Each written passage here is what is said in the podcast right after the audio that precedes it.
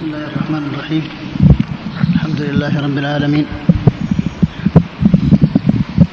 والصلاة والسلام على نبينا محمد الصادق الأمين وعلى آله وأصحابه ومن تبعهم بإحسان إلى يوم الدين. اللهم صل عليه وسلم قال المؤلف رحمه الله تعالى قصة حاطب بن أبي بلتعة.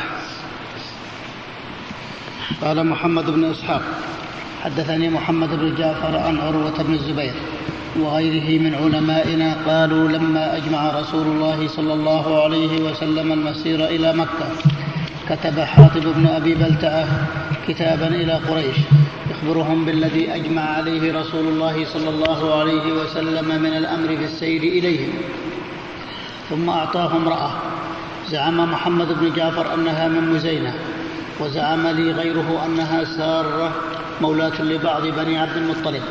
وجعل لها جعلا على أن تبلغه قريشا فجعلته في رأسها ثم فتلت عليه قرونها ثم خرجت به وأتى رسول الله صلى الله عليه وسلم الخبر من السماء بما صنع حاطب فبعث علي بن أبي طالب والزبير بن العوام فقال أدرك امرأة قد كتب معها حاطب بن أبي بلتعة بكتاب إلى قريش يحذرهم ما قد أجمعنا له من أمرهم. فخرج حتى أدركاها بالخليفة خليفة بني أبي أحمد فاستنزلاها فالتمساه في رحلها فلم يجدا فيه شيئا. فقال لها علي إني أحلف بالله ما كذب رسول الله صلى الله عليه وسلم ولا كذبنا ولتخرجن لنا هذا الكتاب أو لنكشفنك. فلما رأت الجد منه قالت أعرض. فأعرض فحلت قرون رأسها فاستخرجت الكتاب منها فدفعته إليه. فأتى به رسول الله صلى الله عليه وسلم. فدعا رسول الله صلى الله عليه وسلم حاطبا فقال يا حاطب ما حملك على هذا؟ فقال يا رسول الله أما والله إني لمؤمن بالله وبرسوله ما غيرت ولا بدلت لكنني كنت امرأ ليس لي في القوم من أصل. ولا عشيرة. وكان لي بين أظهرهم ولد وأهل فصانعتهم عليهم. فقال عمر بن الخطاب يا رسول الله دعني فلا أضرب عنقه فإن الرجل قد نافق. فقال رسول الله صلى الله عليه وسلم وما يدريك يا عمر لعل الله قد اطلع على أصحاب بدر يوم بدر. فقال اعملوا ما شئتم فقد غفرت لكم. وأنزل الله في حاطب يا أيها الذين آمنوا لا تتخذوا عدوي وعدوكم أولياء تلقون إليهم بالمودة إلى آخر القصة. أقسم بالله لو سار إليكم وحده لنصره الله عليكم فإنه منجز له ما وعده. قال وفي تفسير ابن سلام أن حاطبا كتب إن محمدا قد نفر فإما إليكم وإما إلى غيركم فعليكم الحذر. وقد قال البخاري حدثنا قتيبة حدثنا سفيان عن عمرو بن دينار أخبرني الحسن بن محمد أنه سمع عبيد الله ابن أبي رافع يقول أنه سمع. أنه سمع عبيد الله بن أبي رافع. نعم. يقول سمعت عليا يقول بعثني رسول الله صلى الله عليه وسلم أنا والزبير والمقداد فقال انطلقوا حتى تأتوا روضة خاخ فإن بها ضعينة معها كتاب فخذوه منها. فانطلقنا فعادى بنا خيلنا. حتى أتينا الروضة فإذا نحن بالضعينة. فقلنا لها أخرج الكتاب. فقالت ما معي كتاب؟ فقلنا لتخرجن الكتاب. أو لنلقين الثياب. قال فأخرجته من عقاصها فأتينا به رسول الله صلى الله عليه وسلم فإذا فيه من حاطب بن أبي بلتعة إلى ناس بمكة من المشركين يخبرهم ببعض أمر رسول الله صلى الله عليه وسلم. فقال يا حاطب ما هذا؟ فقال يا رسول الله لا تعجل علي إني كنت امرأ ملصقا في قريش يقول كنت حليفا ولم أكن من أنفسها وكان من وكان من معك من المهاجرين من لهم قرابات يحمون بها أهليهم وأموالهم. فأحببت إذ فاتني ذلك من النسب فيهم أن أتخذ عندهم يدا يحمون قرابتي ولم أفعله ارتدادا عن ديني ولا رضا بالكفر بعد الإسلام. فقال صلى الله عليه وسلم أما إنه قد صدقكم؟ فقال عمر يا رسول الله دعني أضرب عنق هذا المنافق. فقال إنه قد شهد بدرا. وما يدريك لعل الله قد اطلع على من شهد بدرا فقال اعملوا ما شئتم فقد غفرت لكم. فأنزل الله السورة. يا أيها الذين آمنوا لا تتخذوا عدوي وعدوكم أولياء. إلى قوله فقد ضل سواء السبيل. هذه قصة غلط فيها حاطب رضي الله عنه ورحمه. والنبي قبل عذره لأنه جهل الأمر وظن أن هذا يسوغ له. مصانعة المشركين بهذه الكتابة ولأنه من أهل بدر رضي الله عنهم قال الله قال الله اعملوا ما شئتم فقد غفرت لكم فكان هذا خاصا به. أما اليوم من ساعد الكفار على المسلمين وأبدى عوراتهم فإنه يقتل يكون ردة لأن الله أنزل في هذا بين الحكم. قال يا أيها الذين آمنوا لا تتخذوا عدوي وعدو أولياء تلقون إليهم مودة فتقرر عند أهل العلم أن مظاهرة المسلم الكفار ومعاملتهم على المسلمين ردة ومن يتولهم منكم فإنه منهم. فإذا عزم المسلمون على الحرب ضد العدو ثم ذهب أو كتب إنسان ينذرهم ويقول ترى توجه إليكم الجيش وترى كذا يكون هذا ردة يكون هذا تولي ونصر لهم على المسلمين. ولهذا يقول جل وعلا لا تتخذوا عدو وعدو أولياء وقد كفروا من ويقول جل وعلا ومن يتولهم منكم فإنه منهم. نعم. ما استتاب شيخ؟ نعم. ما استتاب؟ محل نظر الاستتابة محل نظر. أقول محل نظر الاستتابة. الأقرب الله أعلم في مثل هذا لا يستتاب لأن هذا أمر عظيم وضرر عظيم على المسلمين. فقتله يكون أنجع في لأن ردة. من بدل دينه فاقتلوه لأن, لأن في مثل هذا حماية للمسلمين من أضرار لأن يسهل عليه إذا أمسك أن يقول تبت. نعم. وأخرجه بقية الجماعة نعم. إلا ابن ماجه من حديث سفيان. وأخرجه وأخرجه. وأخرجه بقية الجماعة إلا ابن ماجه. نعم. حديث سفيان بن عيينة. نعم. قال الترمذي حسن صحيح. نعم. قال الإمام أحمد حدثنا حجين ويونس.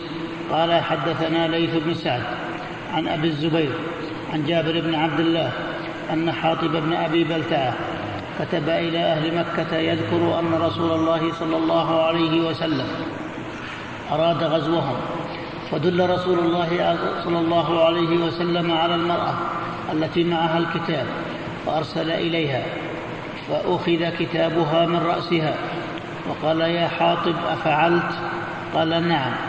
قال أما إني لم أفعله غشا لرسول الله صلى الله عليه وسلم ولا نفاقا. قد علمت أن الله مظهر رسوله ومتم له أمره غير أني كنت غريبا بين ظهرانيهم وكانت والدتي معهم. فأردت أن أتخذ يدا عندهم. فقال له عمر ألا أضرب رأس هذا؟ فقال أتقتل رجلا من أهل بدر؟ وما يدريك لعل الله قد اطلع على أهل بدر فقال اعملوا ما شئتم. تفرد بهذا الحديث من هذا الوجه الإمام أحمد وإسناده على شرط مسلم ولله الحمد. قال ابن إسحاق فحدثني محمد بن مسلم بن شهاب الزهري عن عبيد الله بن عبد الله بن عتبة عن ابن عباس قال ثم مضى رسول الله صلى الله عليه وسلم لسفره واستخلف على المدينة أبا رهم كلثوم بن أبي حسين. واستخلف حسين. واستخلف. واستخلف على المدينة أبا رهم نعم. كلثوم بن حسين. نعم. ابن عتبة ابن خلف الغفاري. وخرج لعشر مضين من رمضان. أبا رهم. نعم. أبا رهم. نعم. واستخلف على المدينة أبا رهم نعم. كلثوم بن حسين. أي. ابن عتبة. ابن خلف الغفاري.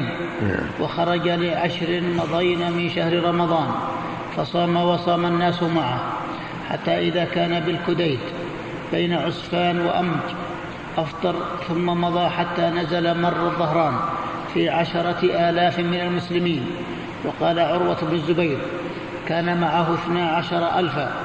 وكذا قال الزهري وموسى بن عقبة فسبعت سليم. وبعضهم يقول ألفت سليم وألفت مزينة وفي كل القبائل عدد وإسلام عدد وإسلام. وأوعب مع رسول الله صلى الله عليه وسلم المهاجرون والأنصار. فلم يتخلف عنه منهم أحد. وروى البخاري عن محمود عن عبد الرزاق عن معمر عن الزهري نحوه. وقد روى البيهقي من حديث عاصم بن علي. عن الليث بن سعد عن عقيل عن عقيل عن الزهري. أخبرني عبيد الله بن عبد الله عن ابن عباس أن رسول الله صلى الله عليه وسلم غزا غزوة الفتح في رمضان. قال وسمعت سعيد بن المسيب يقول مثل ذلك لا أدري أخرج في ليال من شعبان فاستقبل رمضان أو خرج في رمضان بعدما دخل. غير أن عبيد الله ابن عبد الله أخبرني أن ابن عباس قال صام رسول الله صلى الله عليه وسلم حتى بلغ الكديد الماء الذي بين قديد وعسفان. أفطر فلم يزل يفطر حتى انصرم, حتى انصرم الشهر. ورواه البخاري عن عبد الله بن يوسف عن الليث غير أنه لم يذكر الترديد بين شعبان ورمضان. قال البخاري حدثنا علي بن عبد الله حدثنا جرير عن منصور عن مجاهد عن طاووس عن ابن عباس قال سافر رسول الله صلى الله عليه وسلم في رمضان فصام حتى بلغ عسفان ثم دعا بإناء فشرب نهارا ليراه الناس فأفطر حتى قدم مكة. قال وكان ابن عباس يقول صام رسول الله صلى الله عليه وسلم في السفر وأفطر فمن شاء صام ومن شاء أفطر. وقال يونس عن ابن إسحاق عن الزهري عن عبيد الله بن عبد الله عن ابن عباس قال مضى رسول الله صلى الله عليه وسلم لسفرة الفتح واستعمل على المدينة أبا رهم كلثوم بن الحسين الغفاري وخرج لعشر مضين من رمضان فصام وصام الناس معه حتى أتى الكديد بين عسفان وأمج, وأمج فأفطر ودخل مكة مفطرا فكان الناس يرون آخر الأمرين من رسول الله صلى الله عليه وسلم الفطر وأنه نسخ ما كان قبله. قال البيهقي فقوله خرج لعشر من رمضان مدرج في الحديث وكذلك ذكره عبد الله بن, إسحاق بن إدريس عن ابن إسحاق ثم روى من طريق يعقوب بن سفيان عن جابر عن يحيى عن صدقة عن ابن إسحاق أنه قال خرج رسول الله صلى الله عليه وسلم لعشر مضين من رمضان سنة ثمان. ثم روى البيهقي من حديث أبي إسحاق الفزاري عن محمد بن أبي حفصة عن الزهري عن عبيد الله بن عبد الله عن ابن عباس قال الفتح لثلاث عشرة, لثلاث عشرة خلت من شهر رمضان. قال البيهقي وهذا الإدراج وهم. إنما هو من كلام الزهري ثم روى من طريق ابن وهب عن يونس عن الزهري قال غزا رسول الله صلى الله عليه وسلم غزوة الفتح فتح مكة فخرج من المدينة في رمضان ومعه من المسلمين عشرة آلاف وذلك على رأس ثمان سنين ونصف سنة من مقدمه المدينة وافتتح مكة لثلاث عشرة بقين من رمضان. وروى البيهقي من طريق عبد الرزاق عن معمر عن الزهري عن عبيد الله بن عبد الله عن ابن عباس أن رسول الله صلى الله عليه وسلم خرج في رمضان ومعه عشرة آلاف من المسلمين فصام حتى بلغ الكديد ثم أفطر فقال الزهري وإنما يؤخذ بالأحدث فالأحدث قال الزهري صبح رسول الله صلى الله عليه وسلم مكة لثلاث عشرة ليلة خلت من رمضان ثم عزاه في الصحيحين من طريق عبد الرزاق والله أعلم. وروى البيهقي عن طريق سعيد بن عبد العزيز التنوخي عن عطية بن قيس عن أبي سعيد الخدري قال آذننا رسول الله صلى الله عليه وسلم بالرحيل. عام الفتح لليلتين خلتا من رمضان.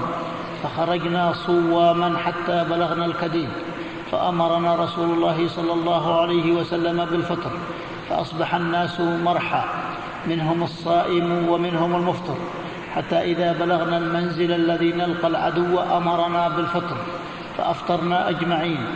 وقد رواه الإمام أحمد عن أبي المغيرة عن سعيد بن عبد العزيز حدثني عطية بن قيس عمن حدثه. عن أبي سعيد الخدري قال آذننا رسول الله صلى الله عليه وسلم بالرحيل.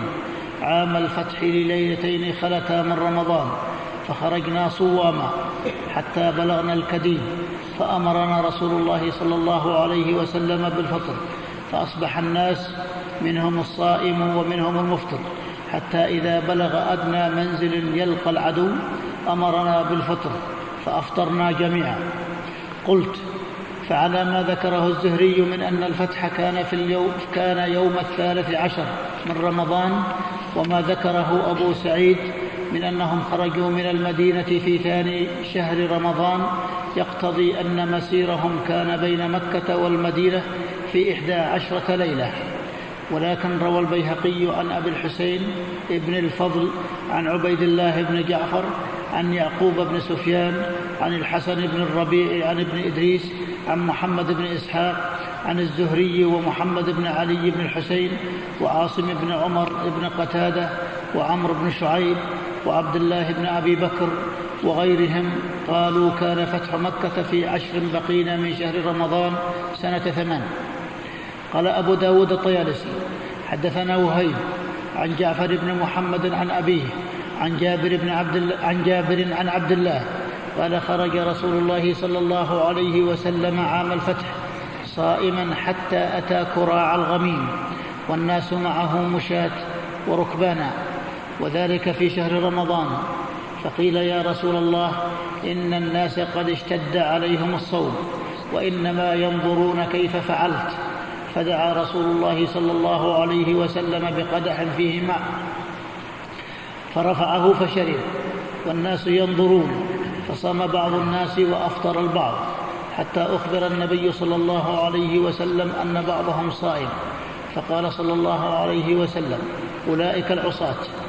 وقد رواه مسلم من حديث الثقفي والداوردي عن جعفر بن محمد وروى الإمام أحمد من حديث محمد بن إسحاق حدثني بشير بن يسار عن ابن عباس قال خرج رسول الله صلى الله عليه وسلم عام الفتح في رمضان فصام وصام المسلمون معه حتى إذا كان بالكديد دعا بماء في قاع وهو على راحلته فشرب والناس ينظرون يعلمهم أنه قد أفطر فأفطر المسلمون تفرد به أحمد. نعم فصل في إسلام العباس بن عبد المطلب عم النبي صلى الله عليه وسلم. اللهم ارضى عنه بارك سم اللهم صل وسلم على رسول الله نعم. اللهم صل وسلم على رسول الله صلى الله وسلم على سيدنا محمد وعلى آله وصحبه وسلم.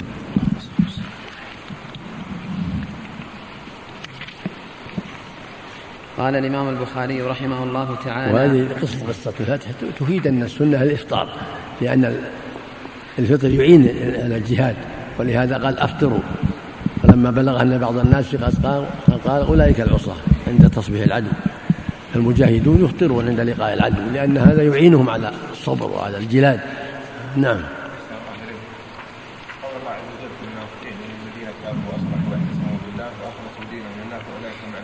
إذا تابوا تاب الله. عليهم التوبة بابها مفتوح. التوبة التوبة بابها مفتوح. الذين تابوا إذا تاب تاب الله عليه. لما قال صلى الله عليه وسلم التوبة تجب ما قبلها. ولما ذكر الشرك والزنا والقتل قال إلا من تاب وآمن وعمل عملا صالحا. لكن الجاسوس لا. الجاسوس ما تقبل توبته لأنه إذا لو قبل توبته صار الجواسيس كثيرون وإذا مسكوا قالوا تبنا وتعطلت المصلحة وحصلت المصيبة. نعم. الجاسوس لا يترك يقتل. نعم. كما قتل النبي صلى الله عليه وسلم الجواسيس لكن هذا حاطي فقط لأن يعني بدر وظن أن هذا لا يضره ثم بين الله الأمر بعد ذلك وأوضح الأمر لا تتخذوا عدو وعدوكم وبين النبي بعد ذلك وأمر بقتل الجاسوس نعم.